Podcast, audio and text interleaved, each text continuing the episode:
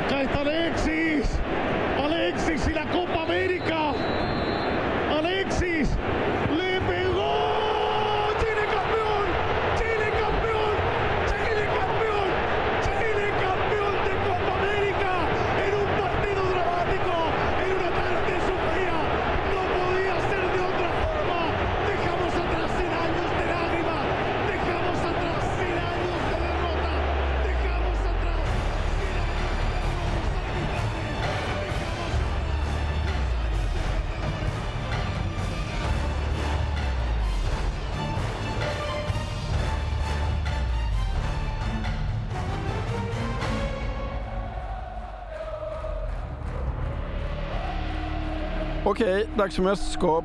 Första matchen på nationalarenan är Stadio Nacional som är rätt speciell va?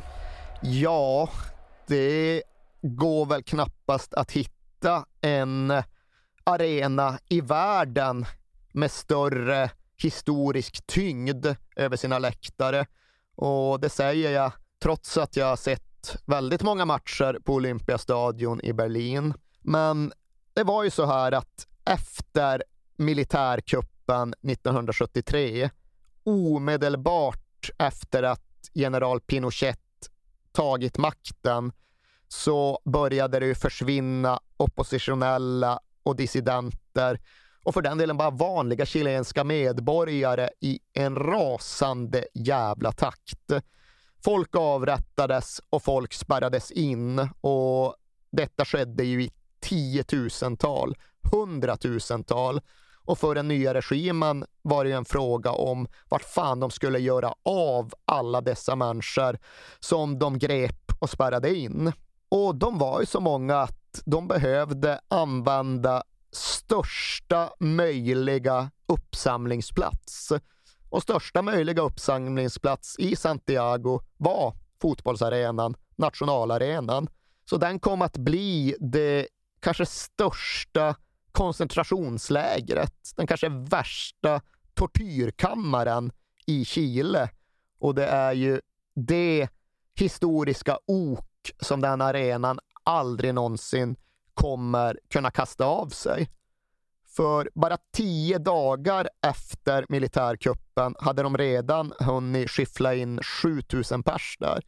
Det kunde vara 20 000 pers där samtidigt under perioder och totalt sett han flera hundratusen människor passera igenom nationalstadion under de här hemska månaderna då den var dödens väntrum. När valrörelsen går in på sina sista dagar inträffar ännu en dramatisk händelse som får Olof Palme att personligen gripa in. I Chile tar militären makten. Arméns jaktplan beskjuter presidentpalatset och landets socialistiske president Salvador Allende. Salvador Allende är död. Han störtades med våld av högerkrafterna. Imorgon går vi till val i en fri demokrati. Det är ett privilegium. Militären fängslar tusentals chilenare och nationalstadion i Santiago förvandlas till ett läger där människor torteras och avrättas. Och exakt hur många som faktiskt avrättades och dog på nationalarenan under den här tiden, det vet vi inte. Det finns ju inga officiellt noterade siffror som är trovärdiga, utan siffran som har gått att fastställa är 41 döda. Men det är garanterat mångdubbelt fler. Och det hade ju kunnat blivit ännu många fler ifall det inte hade funnits en genuin, äkta svensk jävla hjälte mitt i den här historien. Harald Edelstam, va? Exakt, den svarta nejlikan Ja. som man ska ha kallats och som filmen om honom fick heta var ju då Sveriges ambassadör i Chile på den här tiden och gjorde en helt otrolig insats för att eh, rädda människor ur diktaturens käftar och föra dem till säkerhet i Sverige istället. Och det är en fråga om tusentals människor som bor i Sverige idag och som har både sina egna och sina barns och barnbarns liv att tacka Harald Edelstam för. Och det var ju hundratals människor som Edelstam faktiskt lyckades få ut från nationalarenan där ingen annan varken kunde komma in eller ut därifrån. Det var en kompis till mig, ja men du känner ju, du har ju träffat José min kompis. ja. Han ja, men tillhör de som har Harald Edelstam och tackar för sitt liv. För både, han, både hans föräldrar var inspärrade på nationalarenan i Chile. Hans mamma var gravid med José när hon var där. Men Josés farsa är uruguayanare och det där var ju också en grej att när Allende hade vunnit presidentvalet i Chile då flydde ju vänsteroppositionella från hela Sydamerika till Chile, för där skulle de få en fristad. Ah, det var bara det att när Pinochet tog makten var de liksom högst på insamlings och avrättningslistan. Och det fanns då en grupp på drygt 50 uruguayanare som ska ha varit liksom schemalagda för avrättning men dag två i just den här historien. Men dag ett, alltså dagen före dödsdomarna skulle verkställas, så lyckas Harald Edelstam i egenskap av svensk diplomat och ambassadör tjata ut 54 uruguayanare eh, genom att vädja till någon jävla generals mänsklighet. Ja. Och ja, de kom därifrån, de kom till Sverige. Ett av barnen därifrån blev min polare och ja, jag vet ju att det finns tusentals, tiotusentals svenskar där ute som idag har någon form av tacksamhetsskuld gentemot Harald Edelstam. Ja. Det är som sagt en tvättäkta jävla svensk hjälte vi Ja. har att eh, göra med här. Efter vad jag läste så den här generalen som släppte de här till Harald Edelstam blev ju avrättad dagen efter. Ja, jag fick också höra det. Eh, och, ja. Men överhuvudtaget när man läser om den här mannen, alltså Harald, så, så blir man ju väldigt stolt som svensk. Liksom. Det här är ju en 70-talets Raoul Wallenberg som är, går över allt för att rädda människor. Liksom. Ja, och eh, också över alla sina egna liksom, ideologiska gränser. För han var väl en adelsson ur borgerligheten som absolut själv stod till höger politiskt. Ja. Men det är skillnad på ideologi och humanism. Ja. Liksom, det spelar väl ingen roll ifall Pinochet-styret påstod sig stå till höger politiskt. Vad fan, det var en jävla mördarmaskin. Ja. Och då kvittar det ju fullständigt varifrån du själv utgår ideologiskt. Det handlar inte om ideologi utan det handlar om liv och jävla död. Och Ja, det är... Men med, med den bakgrunden så har man ju ett visst självförtroende också. Alltså, han går över, tar över kubanska ambassaden, ringer hem till Palme och säger att nu gör jag detta och, och blir då ovänner med hela svenska UD. Liksom. Så att det är ju, ja. Ja, det, var, ja, det var inga lätta manövrar han lyckades med. Det var inte självklart att han skulle klara av att genomföra det han gjorde. Men ja, självförtroende, brist på rädslan och en jävla initiativförmåga, problemlösningskapacitet och handlingskraft.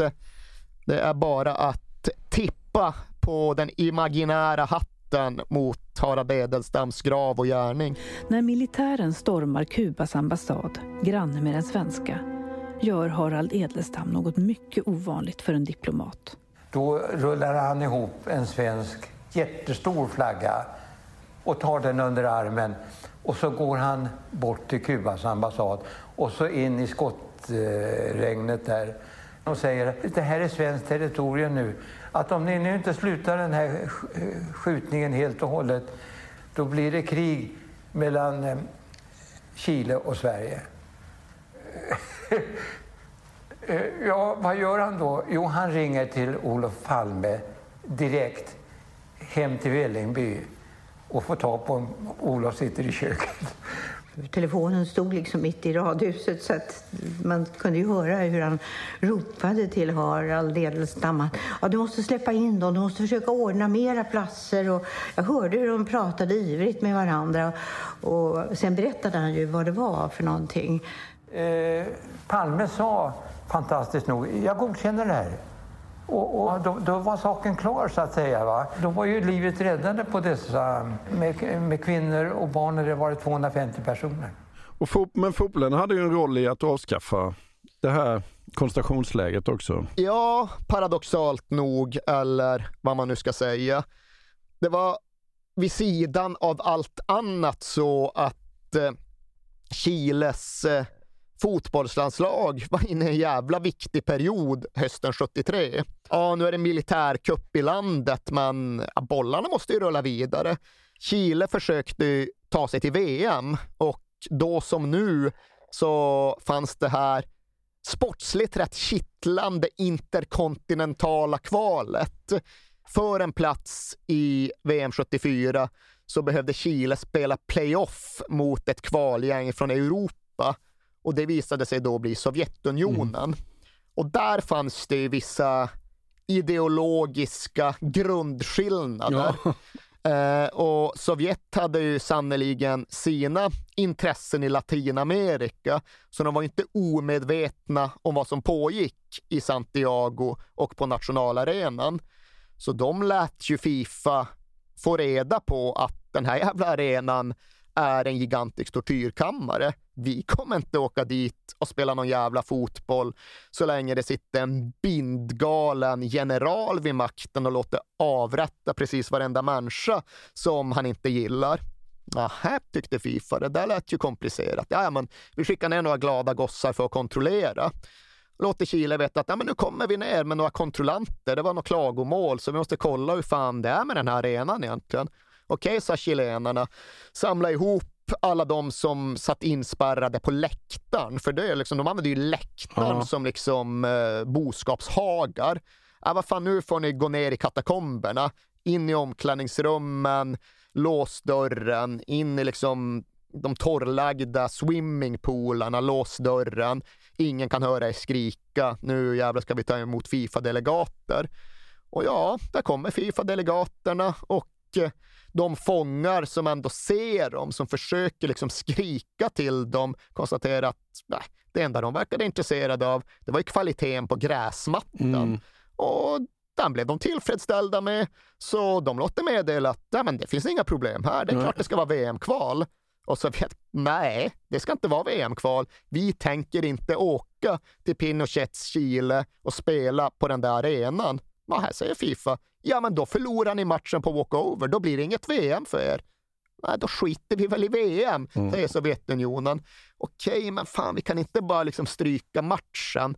Ja, nu är det tydligen så att Sovjetfolket, de tänker inte komma och spela.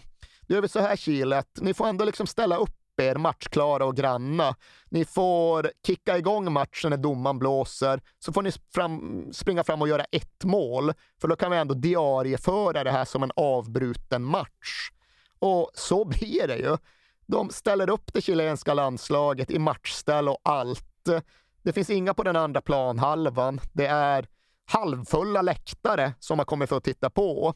Och vid det laget är ju arenan utrymd och tömd. Den är inte längre ett koncentrationsläger, för det tyckte väl till och med Pinochet-folket skulle bli lite komplicerat nu när det trots allt skulle behöva spelas landskamp och allt. Mm.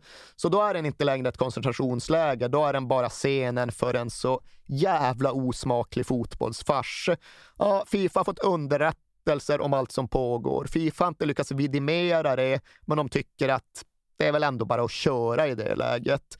Så chilenarna ställer upp sig, domaren blåser, de passar bollen mellan varandra och så kickar de in bollen och det räcker. Då har de gjort ett mål. Då kan domaren blåsa och Fifa på något sätt ändå summera det hela. Så 19 sekunder varade den där VM-kvalmatchen mellan Chile och Sovjet och det är ju en av många skamfläckar på Fifas jävla historiska karta. Ja, det är inte ofta vi nämner Fifa i, i goda ordalag i det, i det här programmet. Nej, och det kan väl kanske bli lite väl svartvitt. Det är klart att det finns många Fifa-projekt och många Fifa-miljoner som har gjort nytta, kanske framför allt i underutvecklade fotbollsländer. Men det är ju en jävla vanskött institution och mm. en institution som inte har klarat av att värdera och prioritera. Och så har det bevisligen varit ända sedan 1970-talet och även dessförinnan. Ja.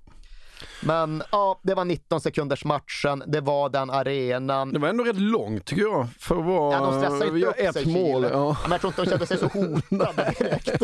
De var rätt trygga med att de skulle få in bollen, ja. så det var inga maxlöpningar. Du kan väl lägga upp den där sekvensen, den finns ju bevarad där ute. Så det kan väl vara ett Instagram-klipp att folk får titta på, på 19 sekunder skamfylld fotboll när Chile blev klart för VM 1974. Kolla på VVK podcast får ni se den här eh, speciella matchen då kan man säga. Och det är klart att det mot den här bakgrunden går att ifrågasätta faktumet att det skulle spelas mästerskapspremiär på samma arena när Copa America invigs 2015. Men där är mitt intryck ändå att den chilenska nationen har någon form av samsyn kring att det är inte rätt sak att göra att bara demolera arenan och sen låtsas som att inget har hänt. Det är bättre att den får stå där som en påminnelse om vad fan som hände och vad som pågick och en erinran om att saker och ting faktiskt kan bli bättre. Att det går att hitta ljus och glädje på samma plats som burit så jävla mycket sorg och tragedi. Och det där är vad jag uppfattar även någonting som överlevarna från tortyrkamrarna väldigt hög grad ställer sig bakom och känner. Men givetvis alltjämt en väldigt speciell plats att spela och titta på fotboll på. Den kan ju aldrig bli fullsatt. Det kan aldrig vara så att varje läktarsektion, varje läktarstol är full på den chilenska nationalarenan. För under de här veckorna 1973 så var det sektion 8 som användes för entré och förvaring av internerna. Det var liksom genom den dörren de fördes in på arenan. Det var även på den läktarsektionen som folk fick stå inspärrade ute i det fria. Och den läktarsektionen har fått stå orörd ända sedan dess och fått stå öde ända sedan dess. Så när Chile spelar idag, då är det ju upprustat och modernt på så gott som hela arenan. Det är fullsatt på så gott som hela arenan. Men sektion 8 står alltid tom och avspärrad och sektion 8 ser fortfarande ut exakt som den gjorde 1973. med sprucken betong och trasiga träbänkar för att det är liksom minnesmonumentet över allt det hemska som hände där och som aldrig får hända igen.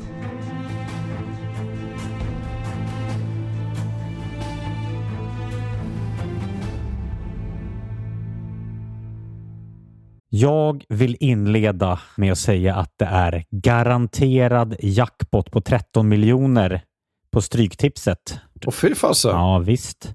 Skulle du behöva 13 miljoner eller? Ja, det skulle jag verkligen. Men vi måste säga först att vi är ju sponsrade av Stryktipset. Ett spel från Svenska Spel, Sport och Casino för dig över 18 år. Yes, och stödlinjen.se finns där för dig om du har problem med ditt spelande. Nej, men 13 miljoner jackpot på Stryktipset, det är ju inte fel. Nej, då är det faktiskt dags att ladda en rejäl rad här känns det som. Mhm. Vet du vad som inte heller är fel? Nej. Födelsedagsfirandet och alla härliga Mm. historier vi får in. Exakt, Mm. för vi är ju mitt inne i Stryktipsets 90-årsfirande som vi firar med att läsa upp fantastiska historier från våra lyssnare Yes. som skickar in dem till kings at perfectdaymedia.se. Precis, bomba på nu. Det är åtta månader kvar på det här firandet, så att, eh, vi kör nu. Mycket Stryktipshistorier vi vill ha Mm. och i dagens har vi fått från Peter som skriver så här. Hej på er och tack för en helt otrolig podcast. Den har räddat mina veckor i snart fyra år. Tack så mycket Peter. Min historia är ganska färsk, men den om när det vänder på stopptid gav kanske inte de största pengarna, men känslan i mig består. Jag spelar ofta för lite mindre pengar på Stryket, följer fotbollen men är långt ifrån en nörd. Och allt såg väldigt bra ut senast, förutom på min etta på Manchester United mot Brentford. Var ändå väldigt, eh, var ändå väldigt nöjd med hur resten satt. Men på stopptid satte min nya favoritspelare, skotten McTominay, två mål och vändningen fullbordades. 64 rader blev 12 000 kronor. Tack för en bra Det är podd. otroligt. Ja. Tack för en bra historia Peter. Ja, och som man älskar Scott McTominay. Gör man inte det? Ja, det- gör man faktiskt. Han- Han liksom kommer in i straffområdet jävligt bra faktiskt. Mm. Vi säger stort tack till våra vänner på Stryktipset. Tack.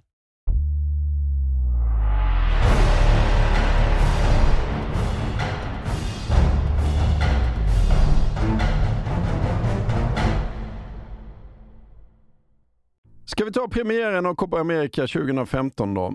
Ecuador på denna speciella arena. Ja, och det ska såklart bli en munsbit enligt alla rådande förväntningar. Men det blir inte riktigt så bra och så avspänt och så glädjefyllt som det var tänkt. För här är det ju då Sampaolis reviderade fotboll som ska spelas. Mer possession, mer kontroll, lite lugnare tempo, en ny 4-3-3-variant med Valdivia som en sorts falsk nia och Alexis och Besajour mer som ytterforwards. Och ja, det funkade inget vidare. Krampaktigt, trögt, innehållslöst under den första halvlek som slutar mållös. Så då ändrar Sampaoli, går tillbaka till det här 4-4-2 med diamant, in med Vargas på topp så att han och Alexis kan spela ihop.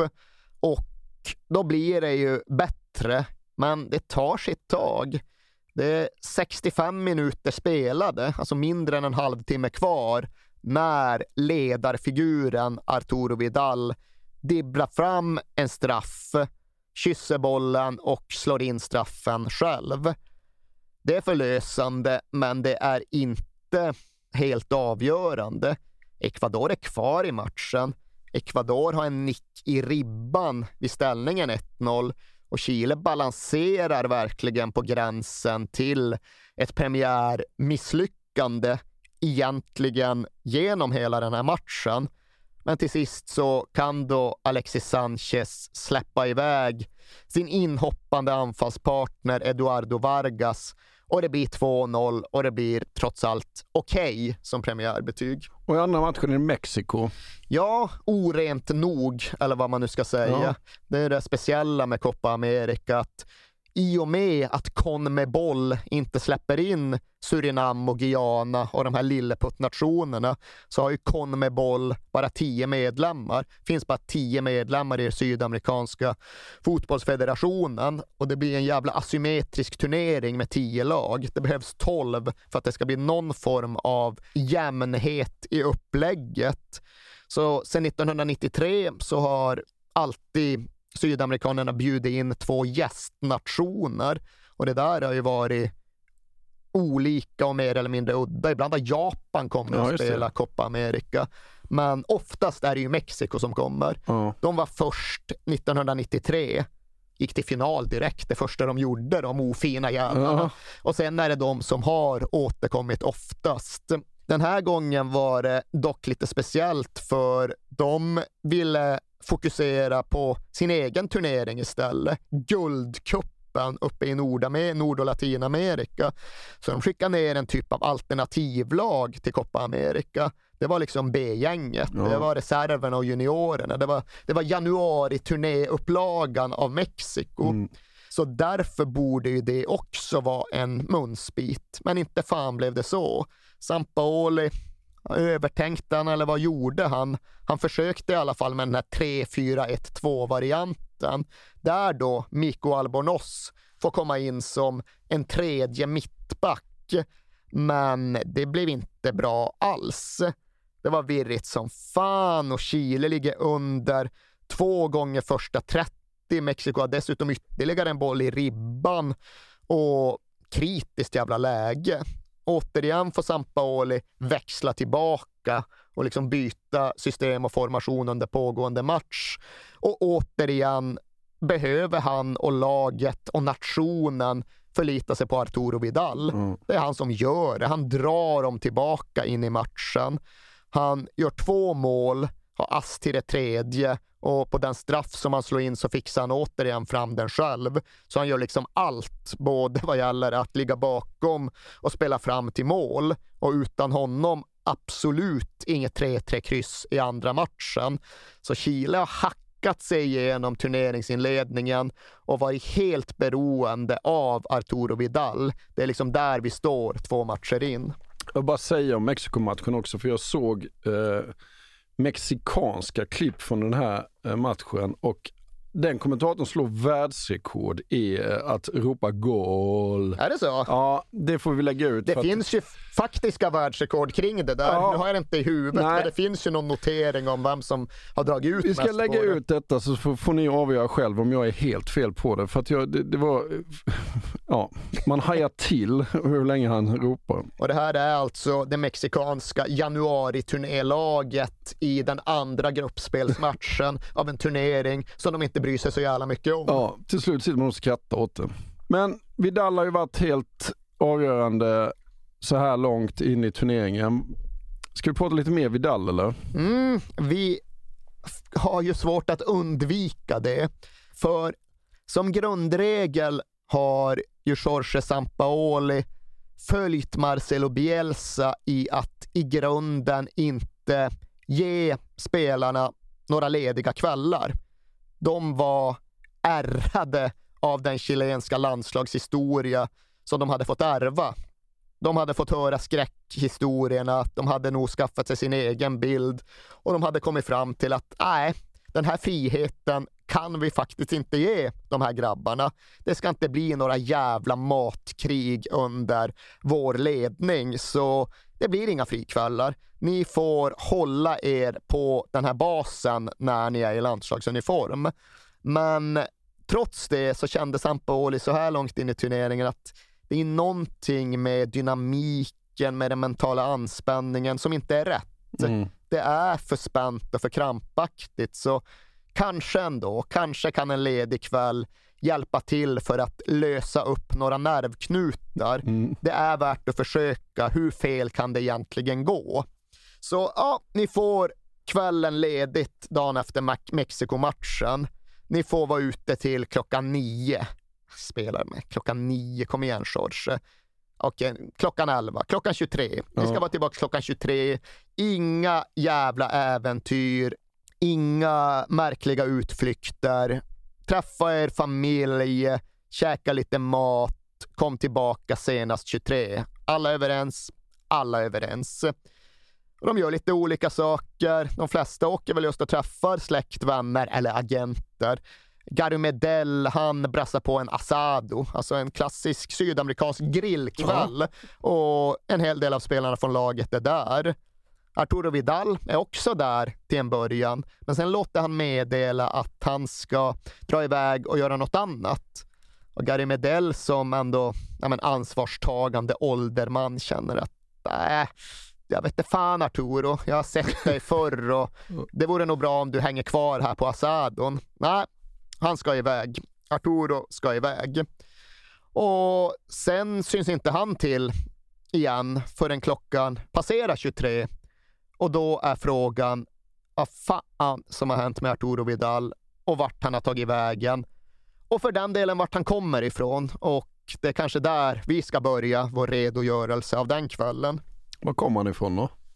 Alltså det finns ju några i den här landslagstruppen som kommer från det som måste kategoriseras som extrem fattigdom. Alltså bakgrunder där det knappt har funnits mat på borden. Och Gary Medell är en av dem. Han kommer från den där typen av miljö där väldigt många i hans närhet blev gängkriminella. Gonzalo Jara också.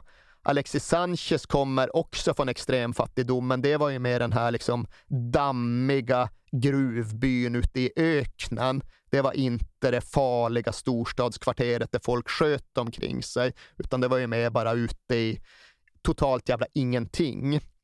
Men Arturo Vidal är då ytterligare en av de här fattigpojkarna som haft fotbollen att tacka för ett liv som annars innehöll väldigt få möjligheter. Han är förresten döpt efter sin morfar som också hette Arturo och han dog innan han hade fyllt 40. Det var i och för sig på grund av en olyckshändelse.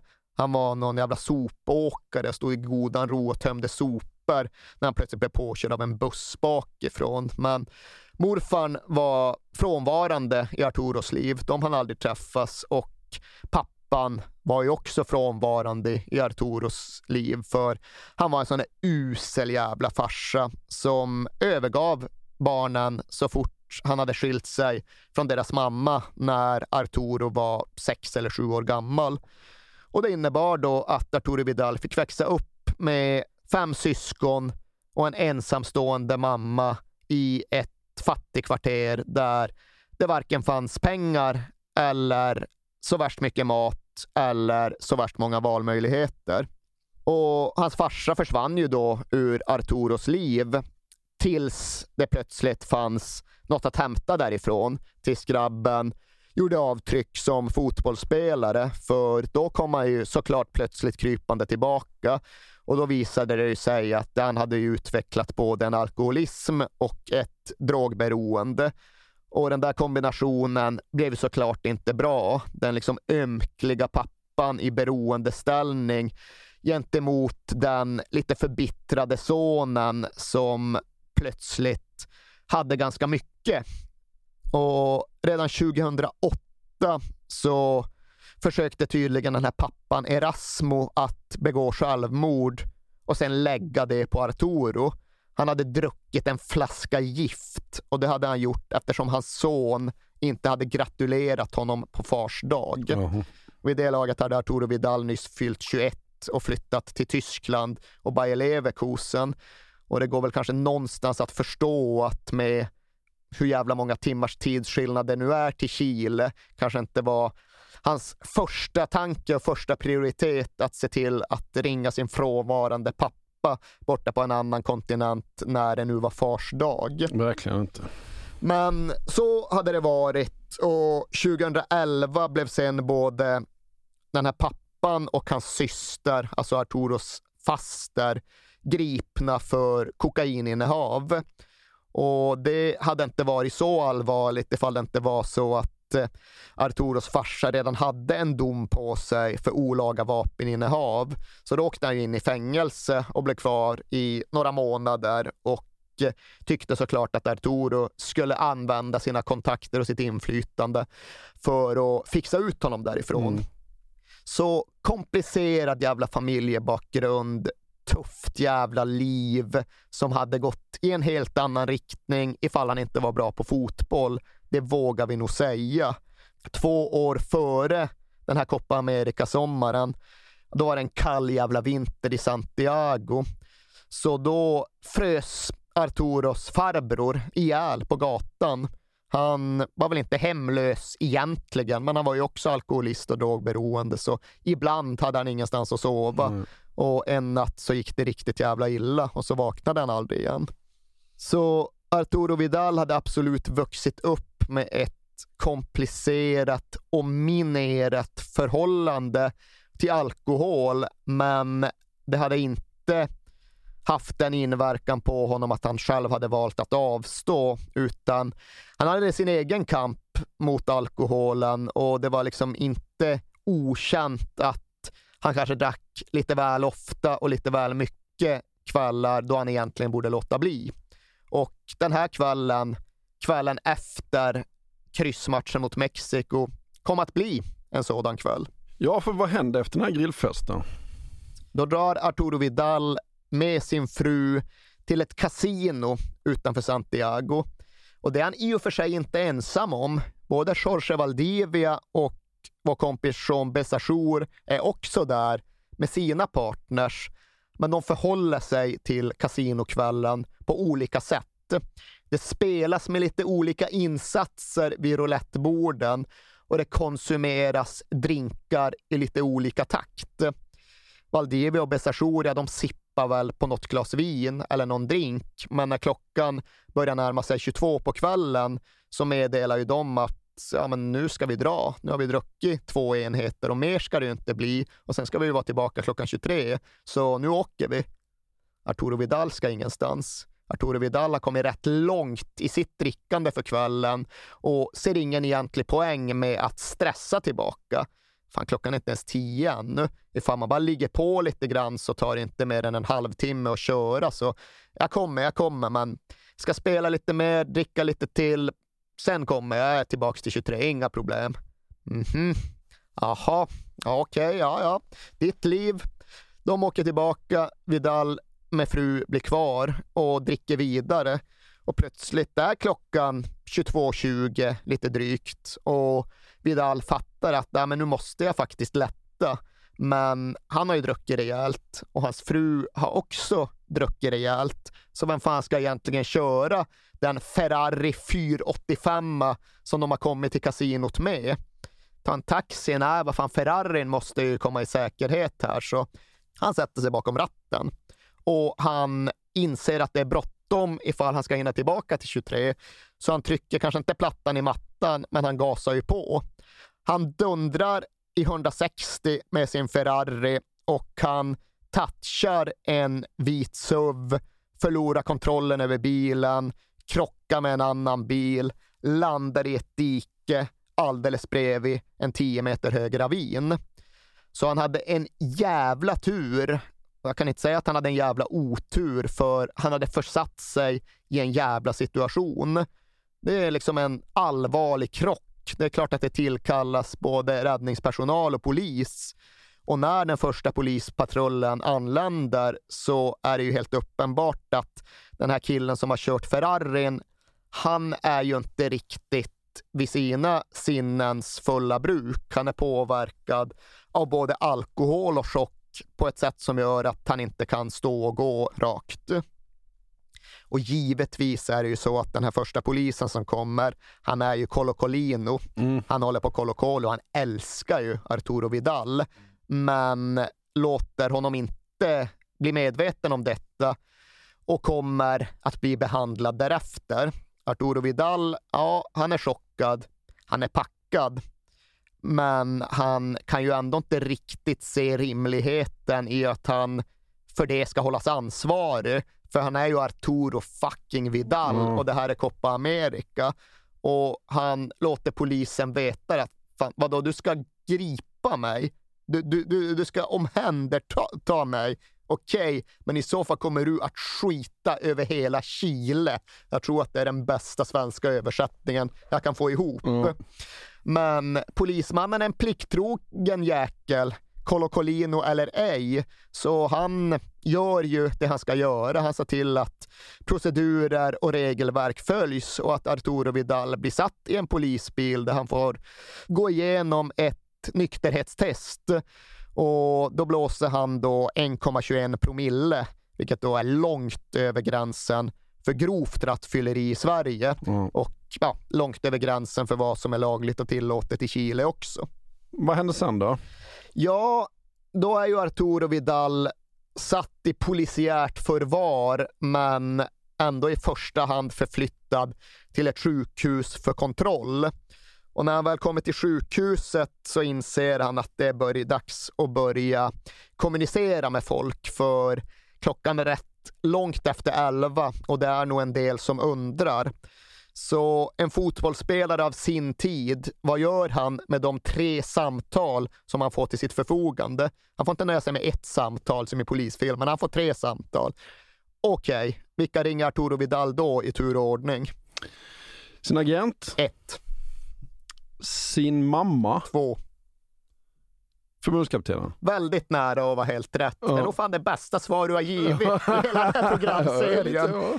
Tre, han ringer sin förbundspresident Ja. för han har en mer långvarig relation med honom. Och när förbundspresidenten svarar så är liksom det Vidal sluddrar fram tydligen. Det går fan inte att översätta. Jag får ju en anglicistisk översättning, men det är typ pressi. Jag har fuckat upp. Okej, du är på sjukhus, du har klar- är du skadad? Är du ensam? Pressi, jag har fuckat upp. Och då erkänner då Arturo Vidal att han har druckit. Och här går ju någonstans maskineriet igång. Men det maskineri som går igång är i första hand inte förbundsdrivet, utan det är agentdrivet. Så den första kommunikationen som publiceras runt allt detta, det är ett agentformulerat inlägg på Arturo Vidals sociala medier. Idag har jag varit med i en trafikolycka. Det var inte mitt fel. Jag mår bra, min familj mår bra. Tack för allt. Och ja, det kanske gick att formulera på det sättet, men det var ju uppenbart osant på ett sätt som var uppenbart ohållbart. För det var ju alldeles för många som visste alldeles för mycket. hade liksom redan börjat cirkulera klipp från omhändertagandet på sociala medier. Och när fystränaren från det chilenska förbundet ska åka och hämta Arturo Vidal på sjukhuset, för det var uppdraget han fick, ja då är han ju inte kvar där. Då är han flyttad till en polisstation och han sitter inte i en cell utan han sitter i någon typ av kvarhållningsrum. Men det är ju ändå fråga om ett omhändertagande som blir diariefört och som blir en offentlig handling. Så det här med att Arturo Vidal ska kunna komma undan med att kommunicera runt en trafikolycka som inte var hans fel. Det är en helt ohållbar jävla strategi som är uselt upplagd av agenten i fråga. När liksom Vidal har suttit och varit isolerad på den där polisstationen i några timmar så kommer han ju ut till ett enormt medieuppbåd för allt det här har ju redan snurrat runt i världspressen. Liksom, det står ju i svenska tidningar vad som har hänt innan Arturo Vidal har lämnat polisstationen Ja. ens en gång. Och det är ju synd att Copa America naturligtvis är slut för honom nu, eller hur? Ja, det kan man ju tycka. Han är ju själv väldigt bedrövad. Han blir ju förd tillbaks till den här landslagsbasen och kommer ur den minivanen gråtande. Han är ju mer eller mindre liksom en bruten man. Men eh, han återvänder först då till sitt rum, det rum han har på basen och det rum som han delar med Matti Fernandes. Och det är lite intressant i sig, för de är ett jävla udda par de två. Arturo Vidal då, fattiggrabben som har blivit storstjärnan, som har blivit en playboy-figur i Chile. Och Matti Fernandes som då är djupt religiös. Så två helt olika karaktärer som uppträder helt olika, men som har känt varandra sedan de var smågrabbar i Colo Colos pojk och juniorlag. Ah, se va. al- Uy, seco travesaño, mano arquero Fernández. ¡Gol! Matías. ¡Gol! Llámame por teléfono a Copa 2020 22 54 y vas a acá conmigo.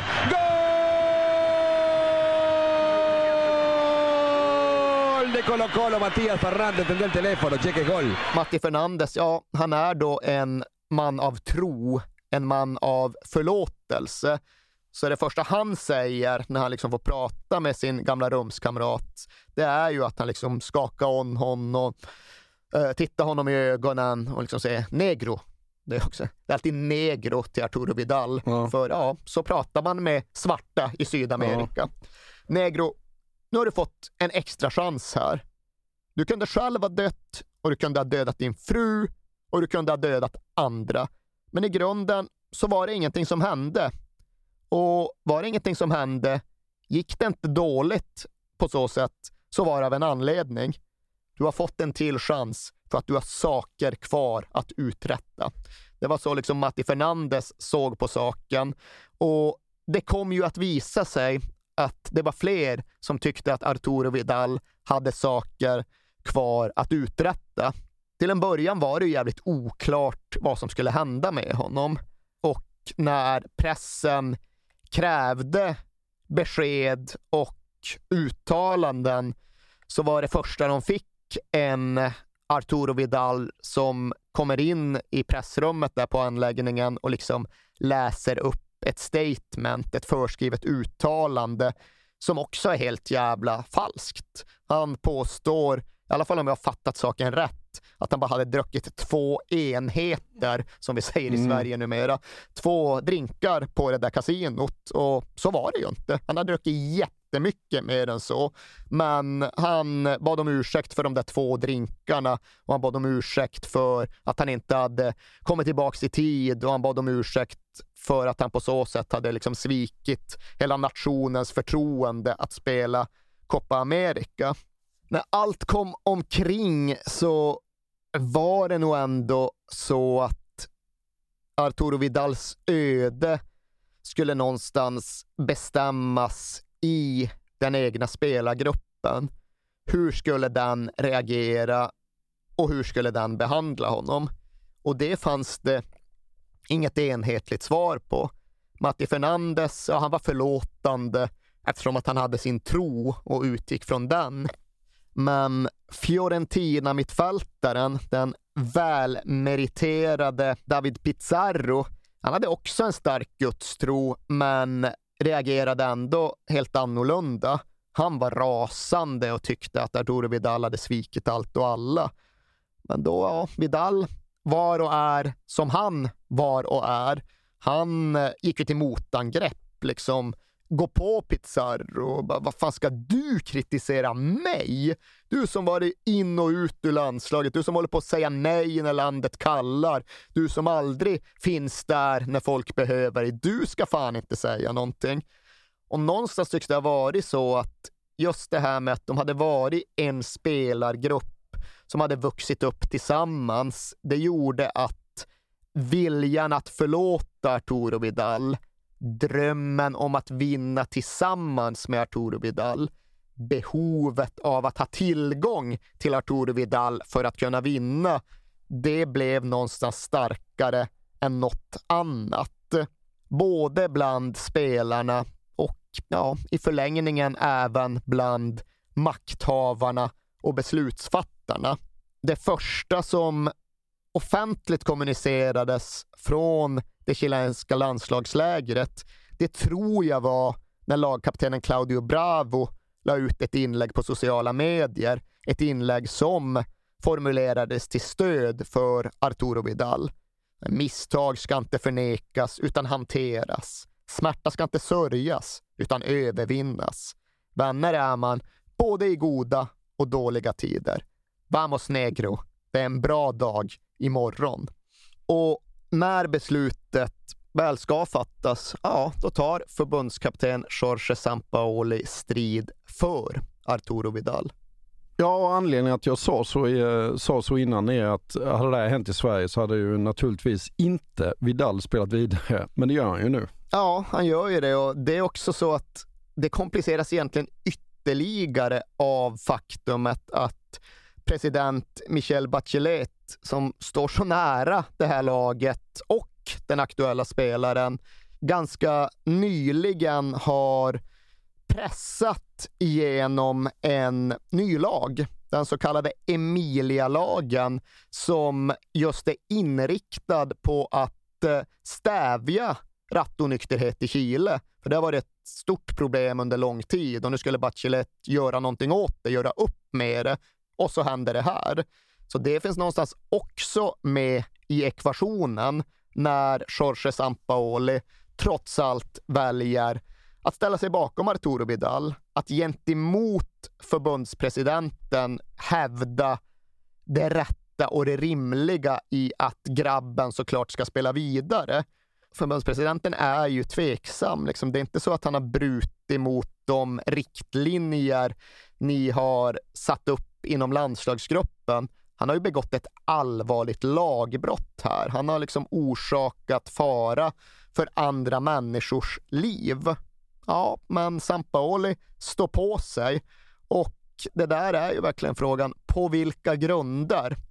De som gillar Sampaoli och den han är och det han står för, de hävdar ju att ja, men det är en fotbollstränare som bryr sig om människor. Han kan Vidals bakgrund, han vet hur hans liv har sett ut.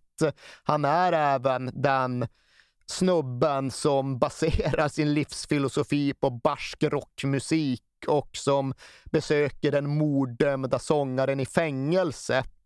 Det är därför, det är mot den bakgrunden han vill vara generös och förlåtande mot Arturo Vidal. Men sen finns det ju absolut de som tolkar det hela på ett annat sätt. Nej, det handlar nog om att han desperat gärna vill vinna Copa America på chilensk hemmaplan och inser att den här mittfältaren behövs ifall det ska vara en möjlighet. Och sen finns det väl den version som egentligen Sampaoli själv oftast har återvänt till. Den här med att fan, Arturo Vidal har offrat sig för mig och för Chile. Och bakgrunden till det är att inför VM 2014 så hade Vidal varit rätt svårt skadad. Han hade ruschat sig igenom rehabiliteringen. Han hade spelat i VM trots att han medicinskt egentligen inte borde.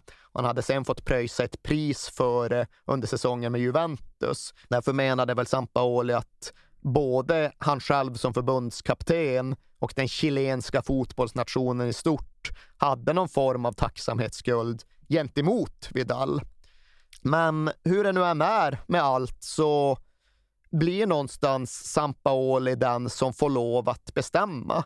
Förbundspresidenten gör till slut så att han liksom bara ja, sträcker upp sina händer och säger att okej, okay, det får bli ditt val och ditt beslut det här. Men hur det nu än är med allt så driver Sampaoli den här frågan så hårt, med så stor övertygelse, att han ställer förbundspresidenten inför ett ultimatum. Han säger att okej, okay, ifall vi utesluter Arturo Vidal från vårt håll nu, så säger jag upp mig efter Copa America. Spelar ingen roll om vi vinner, spelar ingen roll hur det går med någonting. I så fall gör jag det här och sen inget mer. Så till slut så kastar förbundspresidenten mer eller mindre bara upp händerna och säger att okej, okay, du, du får välja, du får bestämma, du får ta det här. Ditt beslut, men även ditt ansvar. Du får motivera det här, du får förklara det här. Jag lämnar över beslutet, men jag lämnar även över frågorna. Så nu är det här ditt, Jorge. Ja, Jorge bestämmer sig att så får det bli. Och när han väl har gjort det så är det ju sen kväll på den här basen vid foten av Anderna i Santiagos östra utkanter. Men då går han i alla fall och ber om att få elljuset tänt runt den stora träningsplanen. Elljuset som Bielsas föreläsningsturnéer mm. har finansierat. Och sen ger han sig ut och börjar jogga runt planen, ensam i regnet och elljuset med sin rockmusik och sina perrongtal i hörlurarna.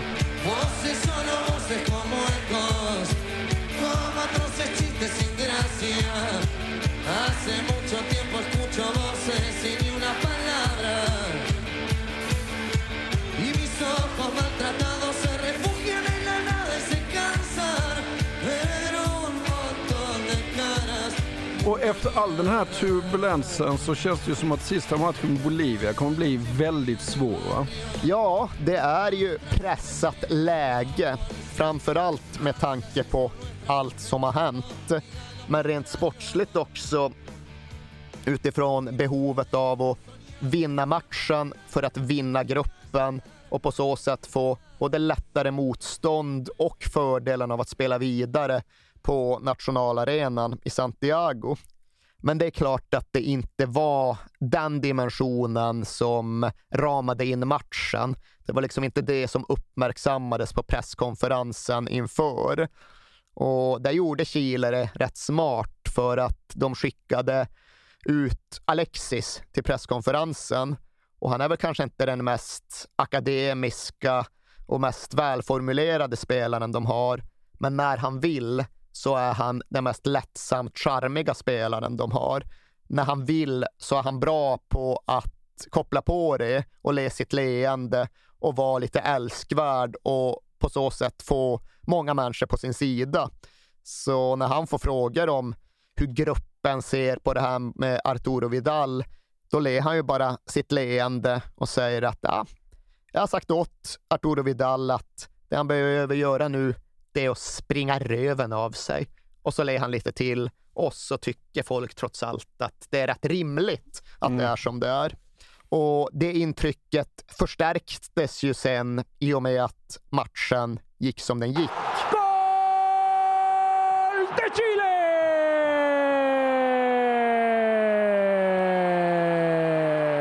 För Bolivia såg inte lättare ut än någon av de andra motståndarna på förhand. Tvärtom. De hade spelat ett kryss mot Mexiko och de hade en seger mot Ecuador och på så sätt ett identiskt facit jämfört med Chile inför matchen. De hade dessutom en spelare som vi såklart känner extra starkt för i den här studion. Och vem var det? Det vet jag faktiskt inte. Kanske en liten fint i att anspela att vi skulle haft honom uppe för samtal. Det har vi inte. Men som svenskar så är det ju klart att vi både noterar och uppskattar att Martin Smedberg Dalense från Hammarkullen spelade ja, i det här bolivianska ja. laget. Han hade till och med gjort mål mot Ecuador. Men i den här matchen så gjorde väl varken han eller någon av hans lagkamrater något vidare intryck och avtryck överhuvudtaget. Chile får den optimala fripassagen genom den sista gruppspelsmatchen. Aranguiz gör mål efter tre minuter. Matchen är avgjord efter 45. Sampaoli kan ta ut både Vidal och Alexis i paus och Chile kan ändå cruisa fram till en 5-0-seger. Så det var ju så väldigt tacksamt utifrån läget som laget hade befunnit sig i. Nu var det plötsligt 5-0-seger, klang och jubel, klackarna i taket och president i omklädningsrummet igen. För det är klart att eh, efter den här 5-0-segern så nog fan stod ju Michel Bachelet där nere med Arturo Vidal och såg glad ut inför alla socialmediala kameror fan den där rattfyllelagen då, hur passar den in i det här? Ja, den passar inte in överhuvudtaget. Den har inte med detta att göra. Michelle Bachelet var kanske mer pressad än någonsin tidigare. Hon var inblandad i någon jävla skandal där hennes inrikesminister hade varit delaktig i att ha förskingrat skattepengar från ett gruvbolag. Så hon behövde ha bort hon ville inte ha något snack om någon rattfyllelag. Hon ville stå och se glad ut i de chilenska färgerna bredvid några storstjärnor som hade bidragit till en 5-0-seger. Det var vad hon ville.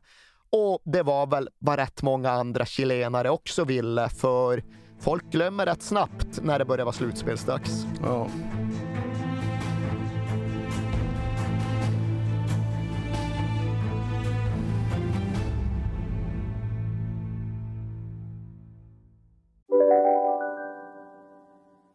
Ja? Hallå? Pizzeria Grandiosa? Ä Jag vill ha en Grandiosa capriciosa och en pepperoni.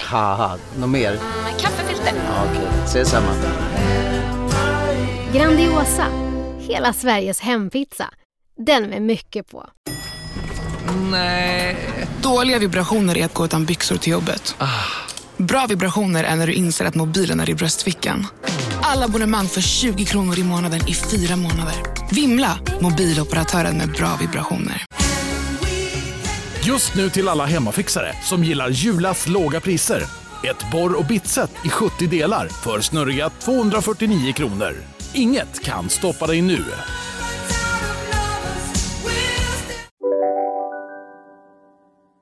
Vi brukar prata om vilka som är de hårdaste fotbollsspelarna i världen.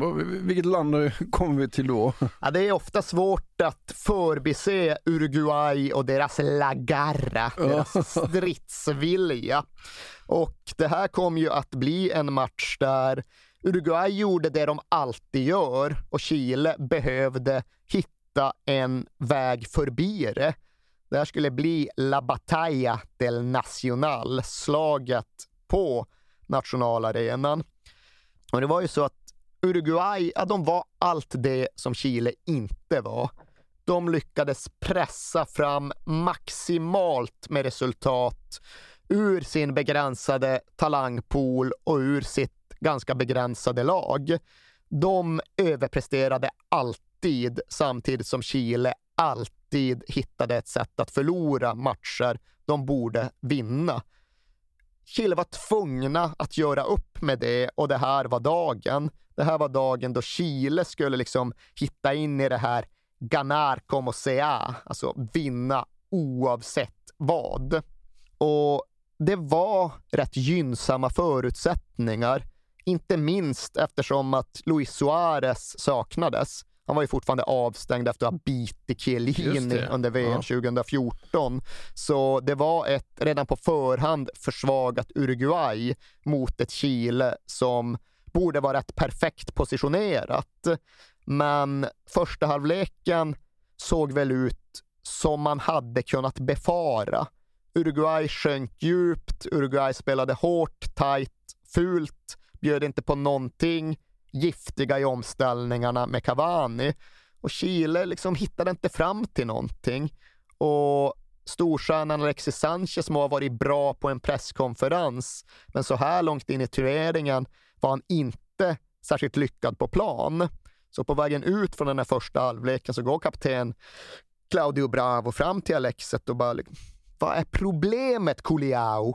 Med en förolämpning. Vad är problemet? Alltså du ska vara den bästa. Du ska va- va- vakna, liksom vakna upp. Chile 79 procent boll så långt. Ingen genombrottskraft, ingen penetrationsförmåga, ingenting som de lyckas omsätta till målchanser och mål. Och det skulle ju inte heller bli någon av stjärnorna, någon av spetsspelarna, Alexis eller någon annan, som skulle bli den utslagsgivande spelaren i den här matchen.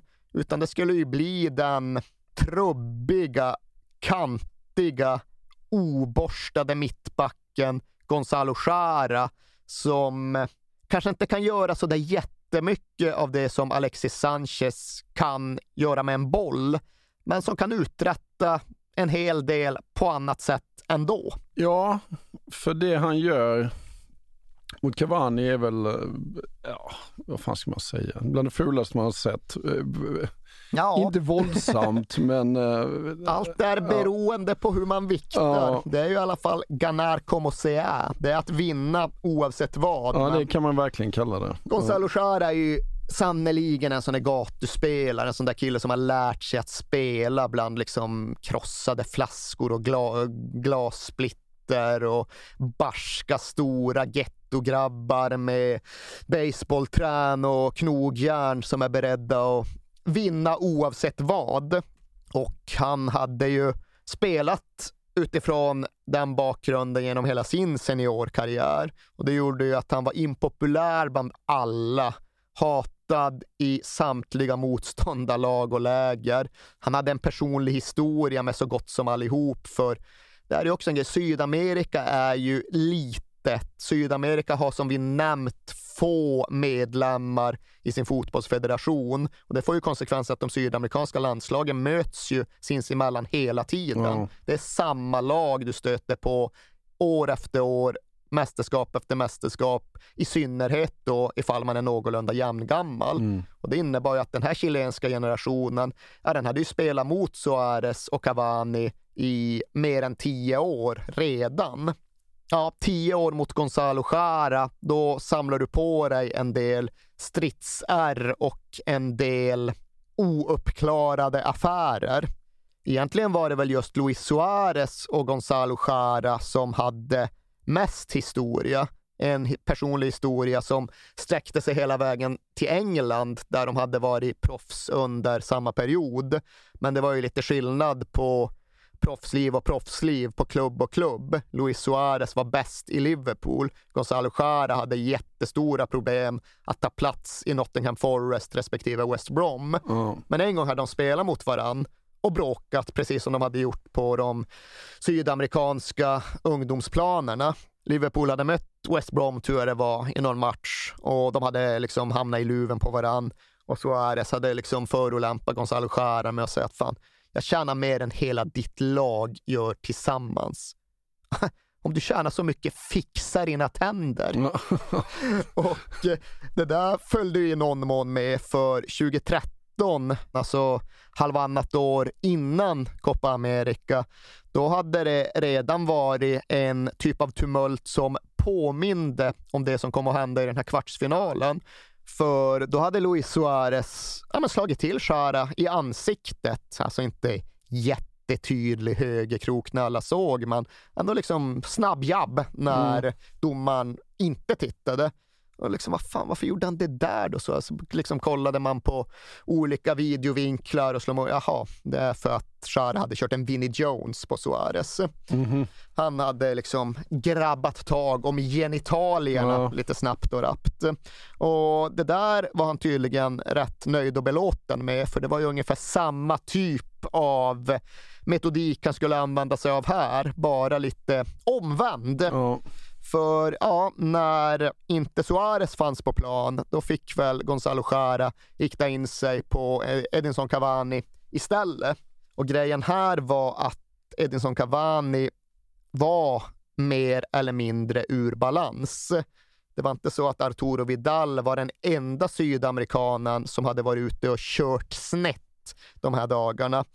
Utan tragiskt nog var det så att eh, dagen före kvartsfinalen mellan Uruguay och Chile, då hade Edison Cavanis farsa kört illa. Eh, han hade kört på, kört över en snubbe som hade avlidit och han hade gripits för det. Och för den som kände till det och studerade Cavani i lite större detalj så gick det nog att anta att han var ur balans. Han drog på sig ett gult kort redan under första halvlek när han gnällde på en assisterande domaren efter att ha blivit avvinkad för offside. Men sen är det ju en sekvens halvvägs in i andra halvlek som ja, förändrar allt. För Cavani, han slår ju sannerligen inte till Gonzalo Jara i ansiktet. Han viftar med handen Exakt. i riktning mot Jaras ansikte och Jara Rivaldo kollapsar ju och Cavani får därmed ett andra gult och blir utvisad. Díaz. ¿Qué pasó? Cuidado. Cavani tiene amarilla. Se va. Expulsado Edinson Cavani porque tiene amarilla. Tenía del primer tiempo un golpe sin balón. Si tiene. Si se va Edinson Cavani. Expulsado porque tenía amarilla en el primer tiempo de la infracción contra Arturo Vidal. Och också, vad fan gjorde han sådär för? Det var inte grovt. Det var ju knappt så att det gick att se, men det var ju dumt med Ja. ett gult kort. Ja, då gick det ju att ganska snabbt titta på bilderna och konstatera att ja, vad hade Gonzalo Jara gjort egentligen? Ja, det är ju, här gäller det att välja sina ord. Nej, men han går ju fram eh, när, när Cavani står med ryggen emot och tar honom i baken helt enkelt. Kör in ett finger i rumpan på honom. Eh, Exakt det Ja. han gör och det går ju liksom inte att bestrida, det finns ju på film. Sen säger uruguayanarna att han därtill också ska ha sagt att ha, din farsa, nu kommer han åka in på 20 år. Och det säger, så här, nej det har jag inte sagt, men som sagt uruguayarna hävdar att det är den kombon. Ja. Det är fingret och det är förolämpningen och det är utvisningen som kommer som konsekvens. Shara får också gult, men han har inget gult, så han kan ju lira vidare. Och det blir ju direkt matchavgörande. Det är inte så jävla lång tid kvar. Uruguay har liksom haft hela sin matchplan att ligga lågt, stänga till, försöka snatta något genom omställningar på Cavani, men annars vara helt fine med att ta matchen till straffar. Men nu har de varken Cavani eller Suarez, nu har de bara tio man och de är trötta. Och Sampaoli vädrar blod, han slänger direkt in Mauricio Pinilla och Matti Fernandes som offensiva spelare. Och det tar ju inte lång tid innan de får utdelning. Mm. 81 minuten så trycker Mauricio Isla in 1-0 målet, det avgörande målet. Och Chile har lyckats eh, bli det lag som ja, de kanske själva tyckte att de behövde bli. De har blivit laget som vinner oavsett vad. Det lag som Uruguay någonstans alltid brukar vara. Och sen tycker väl Gonzalo Jara att ni kan tycka vad fan ni vill om den saken.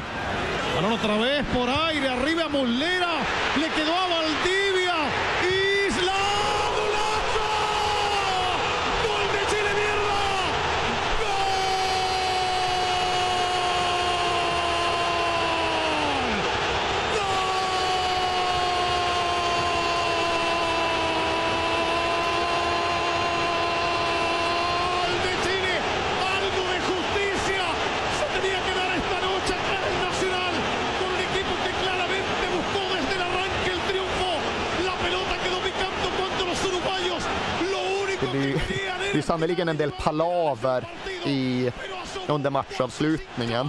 Uruguay får ytterligare något rött kort. Jorge Fusile kickar ner Alexis, de är ner på nio man. Deras tränare, professor Tabares, blir utvisad vid slutsignalen och det är ytterligare ett rött kort.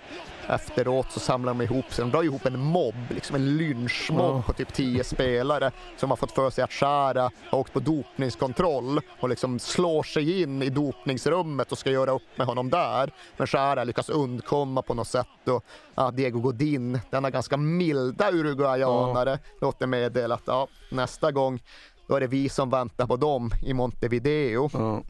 Men ja, Shara på något sätt så lämnar han ju i alla fall matchen som segrare.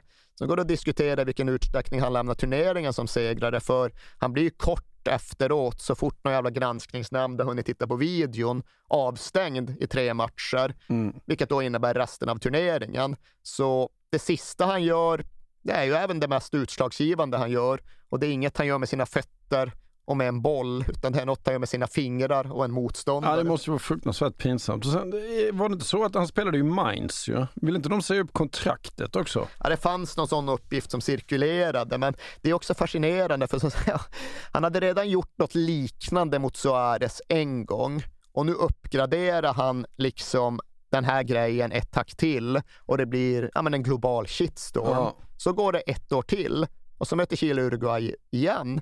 Och nog fan är han där och gör samma sak en tredje gång Nej. på Gaston Ramirez.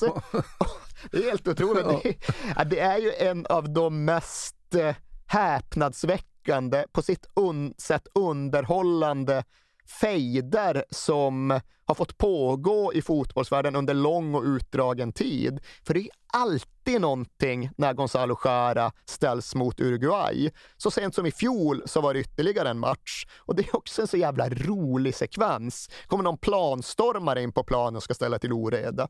Ja, men Gonzalo Jara han gör inte skillnad på folk och folk. Han sparkar ner allt som rör sig. Så han sparkar ju ner planstormaren. Och vad är reaktionen på det? Det är att Luis Suarez är direkt framme hos domaren och gör så här kortrörelser. Han, nu måste du varna Jara.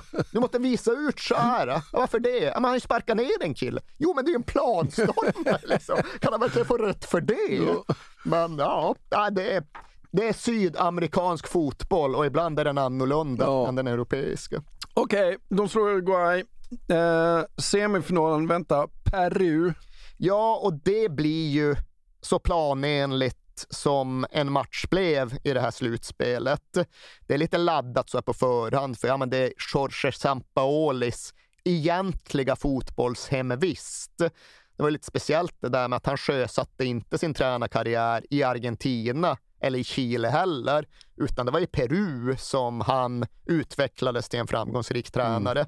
Eh, I laguttagningen så behövde han ju hitta en lösning nu när Shara var borta och det han gjorde då var faktiskt att han plockade tillbaka Mikko Albornoz igen och gick över på den här trebackslinjen. Men det funkade inget vidare den här gången heller. Han fick lov att byta i paus och gå tillbaka till fyrbacken. Men vid det läget så var, ju fort, så var redan matchen väl positionerad. För naturligtvis har dumma jävla Zambrano i Peru gått och dragit på sig två gula kort efter 20 minuter.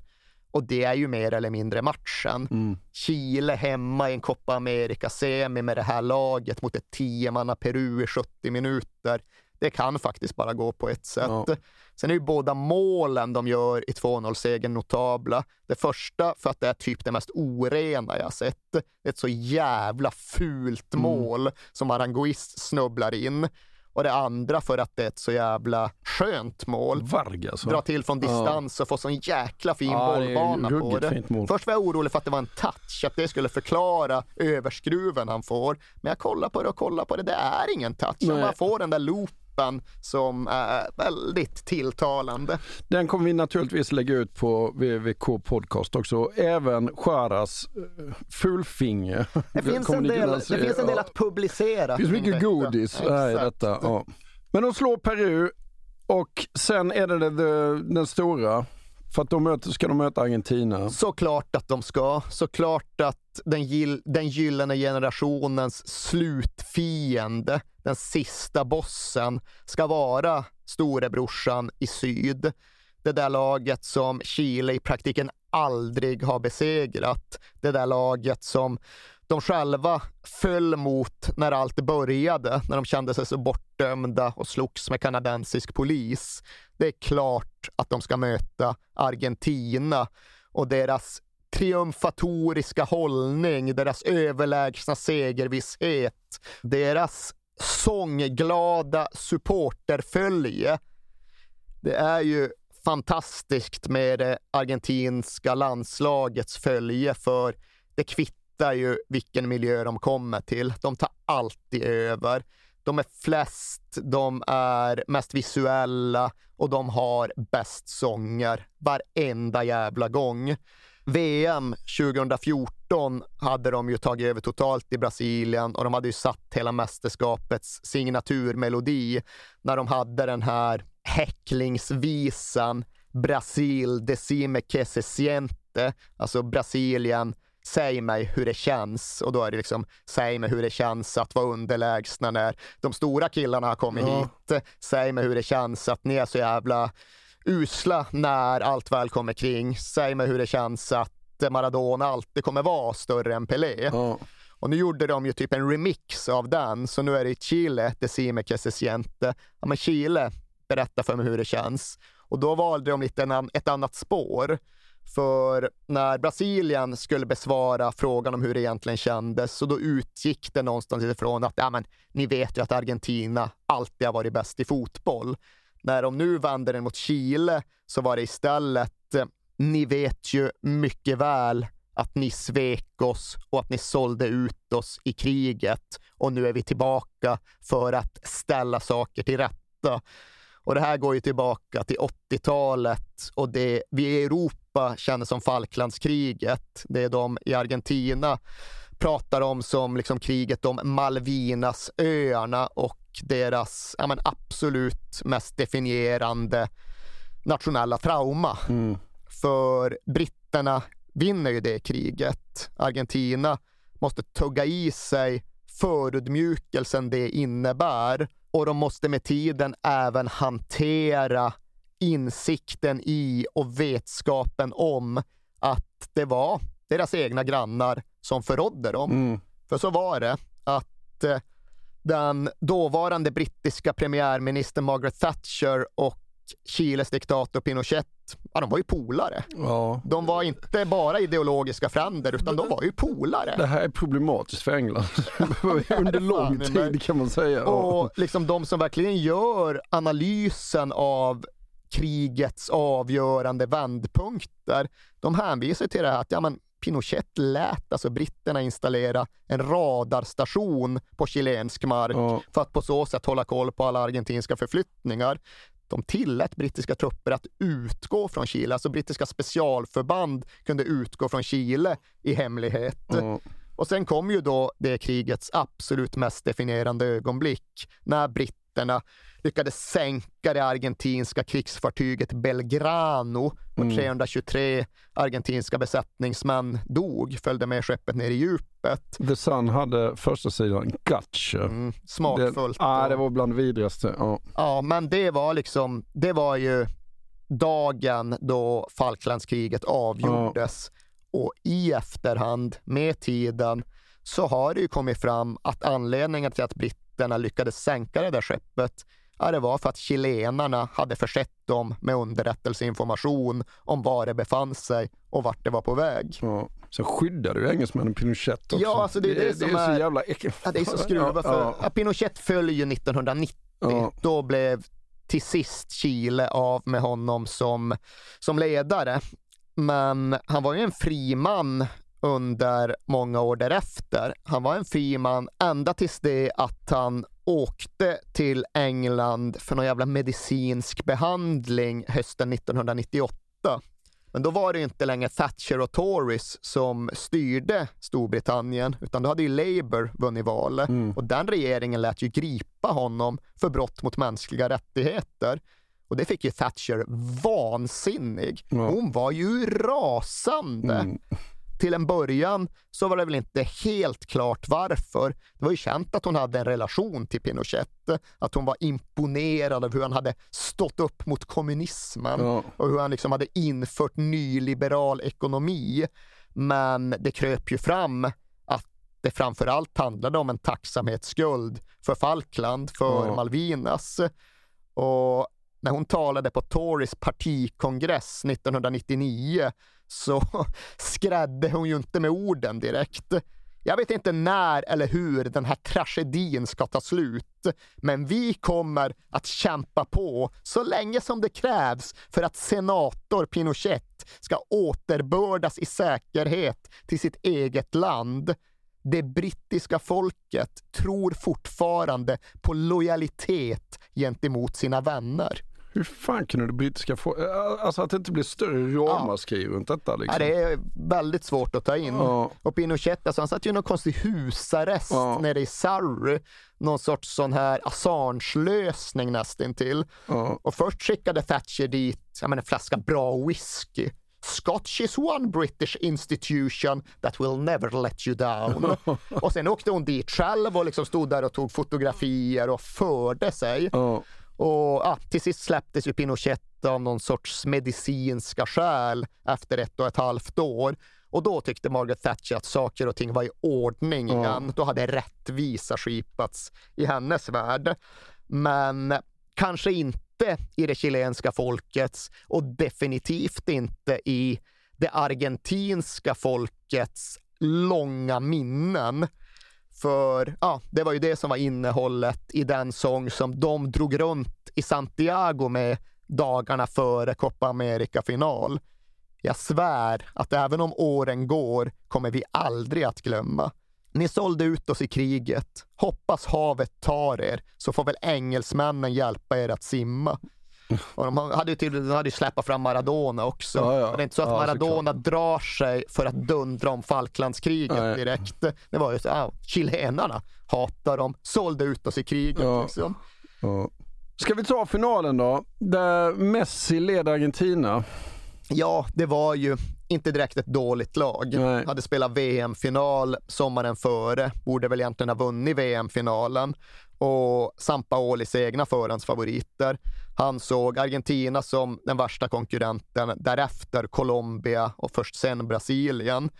Men de hade också vuxit in i turneringen, slagit Colombia knappt i kvarten på straffar, men sen gjort 6-1 mot Paraguay i semifinalen. Men ja, när det väl blir match så är det ju inte det är ett Argentina som är rätt mycket samma lag som det var i VM 2014, men det är ju inte samma Chile. Det är inte det öppna kamikazelaget som brassar på framåt tills de kör in i en bergvägg eller kör igenom den. Utan det är ju precis som kvartsfinalen mot Uruguay. Låst, trevande, försiktigt. Chile värderar dels bollinnehavet, men kanske framför allt också liksom strukturen och positionerna och liksom behovet av att inte släppa till någonting. Så det händer ju typ ingenting. Tråkig match. Ja. Argentina försvagas av att Di Maria får gå ut skadad tidigt. Och där överraskar de väl lite grann med att sätta in Lavezzi snarare än Tevez. Men sen är det Lavezzi som är väldigt, väldigt nära att faktiskt avgöra finalen. För det händer ju typ ingenting förrän i matchens absolut sista minut, alltså den sista minuten av övertiden. Då kommer Messi loss. Då drar Messi upp ett anfall och släpper iväg Lavezzi som slår helt rätt boll längs med marken parallellt med det chilenska målet. Och på bortre stolpen kommer Gonzalo Higuain. Mm. Och det är inte det lättaste läget jag sett i mitt liv. Det blir ju tight vinkel och det blir ett avslut i fart. Men jag förväntar mig absolut att han ska få in den i mål Ja. fyra gånger av fem. Den här gången blir den femte. Higuain snubblar till och liksom bollen hamnar i burgaveln istället för i nät. Och det blir ju som en parentes, liksom ett av fundamenten i historien om ja, kanske den värsta finalsumparen som vi har sett på bra många år. Ja. Gonzalo Higuain som missar ett avgörande friläge i VM-finalen 2014, som missar den här chansen och faktiskt inte har missat klart heller i finalen 2015 och som sen även missar ett friläge i finalen som Argentina ska spela 2016 och på så sätt med visst fog kan sägas ha kostat Argentina tre raka mästerskapsfinaler. Ja. För det går till straffar. Det gör det. Och allra först ut är Matti Fernandes. Har du, no har du någonsin sett en sån straff i ett sånt läge någon gång tidigare? Está Matías. Gol de Chile. John Guidetti, Sverige U21 mot Portugal i finalen. Nej, men alltså, det, jag ska bara säga vad, vad han gör. Jag ska lägga ut det sen också. Men han går fram och så skjuter han allt vad han kan rätt upp i krysset. Men vet du vad han säger också? Nej. Som sagt, Matti Fernandes djupt troende. Och precis som du säger, den där straffen är ju ultimat. Det går inte att slå en straff Nej, men det- nej. Och Romero går ju åt rätt håll i Argentina. Han är ju ändå inte i närheten. Jag skrattade lite efter nästan. Ja. Men grejen är tydligen att när de har tränat straffar inför finalen, för det har de gjort hela slutspelet igenom, så har Fernandes alltid slagit åt det hållet, men alltid lågt. Han har Ja. borrat den varenda gång. Och det han säger att, ja, jag hade bestämt mig, skulle borra ner den i hörnet den här gången också, Mm. skulle slå den lågt. Men efter att jag hade slagit till bollen så var det någon annan som lyfte upp den från marken. Det var en högre makt som fick min träff att ta bollen mot krysset. Det var inte jag, för jag siktade lågt. Jaha, ja. Make of that what you will. Den högre makten gjorde det snyggt fall. Ja, det ska han ha. Ja. Ska han ha. Ja. Sen skickar Argentina fram Messi som första skytt och det är inte mycket diskussion. Han slår den visserligen lågt, men ja, den går in fem av fem. Ja. Det är liksom ingen snack. Vid alla tur. Ja, den kryper liksom in. Den, Ja. Han har ju slagit flera straffar i turneringen. Det här är väl hans sämsta. Romero är på den, men ingår den.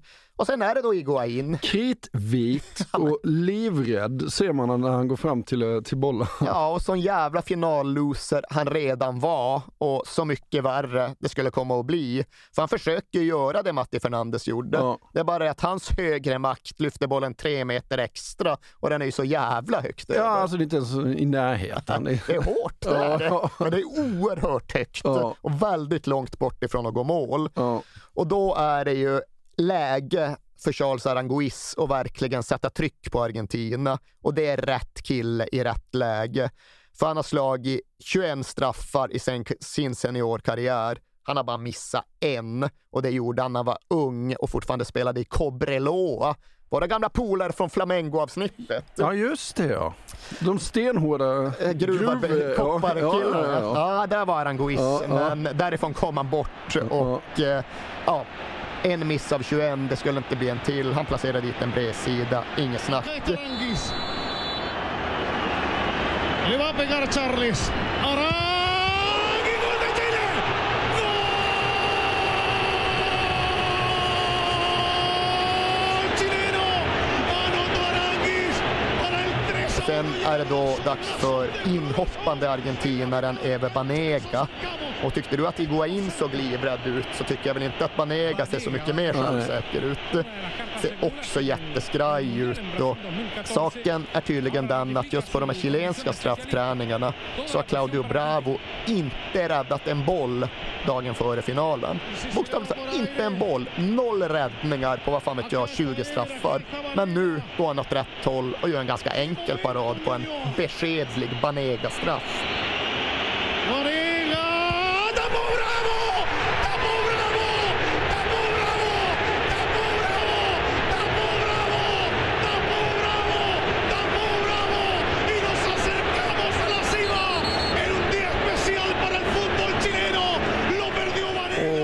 Och Chile skickar fram Sanchez. Ja, nu är det ju tacksamt läge på Ja, riktigt. underbart läge. För ja, ska det inte bli chilensk seger så måste de missa båda sina avslutande samtidigt som Argentina gör mål på sina två avslutande. Så det är fyra matchbollar för Chile. Alexis har den första. Och han hade ju också hållit på att skjuta straffar på de här träningarna. Han hade inget jättebra facit i sin karriär. Hade varit fläck fläckig i Arsenal, hade ju missat i straffavgörandet mot Brasilien i VM. Så han hade liksom behövt leta sig fram till olika varianter att välja mellan. Men det han gör nu, det är ju den straff man kör när man slår den första av fyra matchbollar. När man faktiskt inte har någon press på Nej, sig precis. utan bara har möjligheten att bli nationalhjälte. Ja. Missar han så löser det sig ändå. Så det har beskrivits som en Panenka-straff. Jag tycker inte riktigt det är en Panenka-straff. Det är inte den här lobben som långsamt singlar ner i mitten av målet. Utan det är bara en liten retfull vrickning Ja. som går åt ett håll samtidigt som Romero går åt ett annat.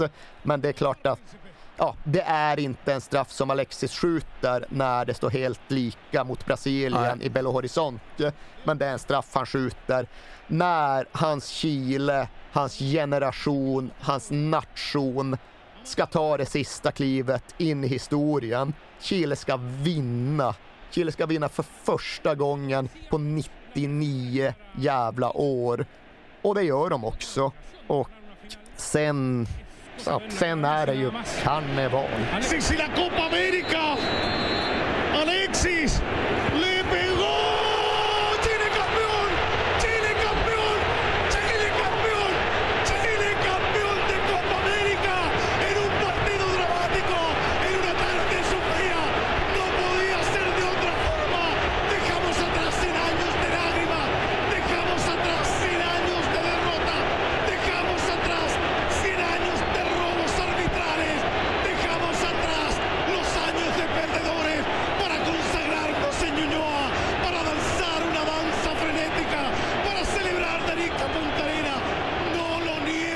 Jag kan tänka mig att det firas en del. Det firas en del, men det är liksom ganska tydligt vad som gäller trots att det inte finns något officiellt schema klart och färdigställt. Hur ska det firas den här kvällen? Vad ska spelarna göra? Eh, jag tror inte de ska på kasino tror jag. Fan. Det är korrekt och då finns det en institution kvar att välja på. Ja, palatset. Såklart. De ska Ja, såklart. raka Ja. vägen till presidentpalatset. För nu är det ju Bachelet igen. Nu är det ju deras president, deras mami, deras tia. Det är klart att de ska dit. Och det ska ju vara mer än en miljon chilenare ute på gatorna.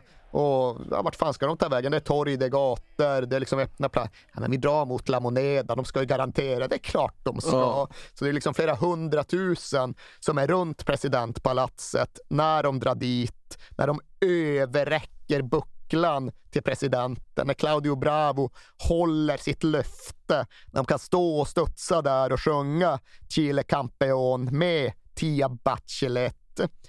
En huvudperson var inte med. Vem var det? Eh, Vidal? Nej, för fan Vidal, missa inte det partyt. Eh, nej, det, vet- det vet jag faktiskt inte. Sampaoli. Jaha, det var det. Ja, trots allt, eh, trots allt, trots att han liksom sympatiserade med saken och uppskattade personen så är han ju faktiskt ändå argentinare. Hade varit ett Ah. svek mot sitt land ifall han skulle åka till det chilenska presidentpalatset klart. inför kamerorna. Han åkte dit själv på egen hand i lönndom Ja. några dagar senare. Ja. Men det var principiellt viktigt för Sampaoli. Ja, det kan ju också vara så att han vill återvända till Argentina någon gång. Han gjorde ju det och det gick som det gick. Och ja, det kan vi väl bara ta när vi lite snabbt går igenom en form av epilog. Ja. Att, ja, Sampaoli fick ju det som garanterat var hans drömjobb och det gick ju så jävla illa. Mm. Fram till den här punkten hade han ju framstått som ofelbar. Allt han tog i blev till guld.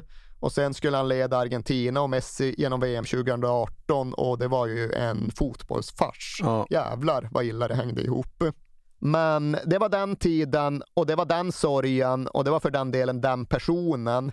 Chilenarna, de dansade ju vidare mot nya framgångar nu när barriären var bruten.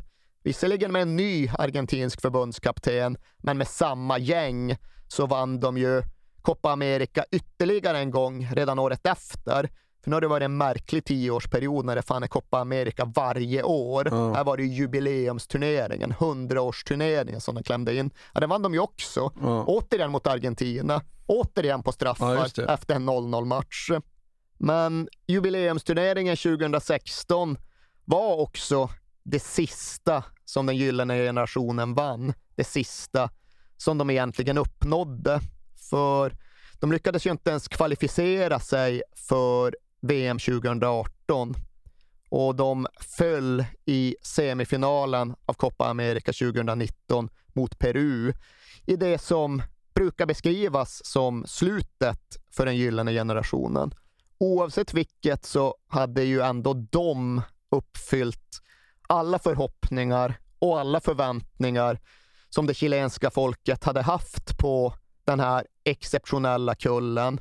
Den första generationen uppvuxen i frihet efter diktaturen. Tyvärr går det inte att säga samma saker och ge samma slutomdöme om de stora politiska figurer som följt med och gått i takt bredvid och framför fotbollen. För efter ett helt århundrade med antingen Bachelet eller Piñera så är fortfarande Chile en både orättvis och olycklig nation. Och protesterna som fyllde Chile under vintern 2019 det var både de största och de ilsknaste och de mest våldsamma sen Pinochet-regimen föll. Och de var ju faktiskt till och med så omfattande att den chilenska ligan fick lov att ta uppehåll, att bollarna inte längre kunde fortsätta rulla. Och sen följdes protesterna av en pandemi och det är först nu, precis när vi spelar in det här avsnittet, som den chilenska ligan äntligen ska kunna återupptas igen. Och vi får se vad det medför. Men med den gyllene generationen alltjämt i färskt minne så finns det fortfarande kvar en tro på att ja, det är nog frågan om inte fotbollen är bättre på att visa vägen mot en öppnare, mer rättvis, mer optimistisk och bättre chilensk framtid än vad landets politiker klarar av att mäkta med.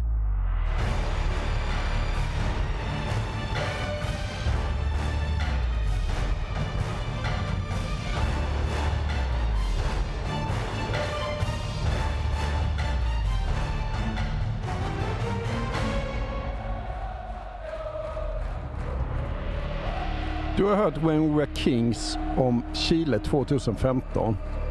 Fortsätt mejla oss på kings at perfectdaymedia.se och följ oss hemskt gärna på eh, Instagram på www.k podcast så hörs vi nästa vecka. Ha det så bra. Hej då. Den här podcasten är producerad av Perfect Day Media.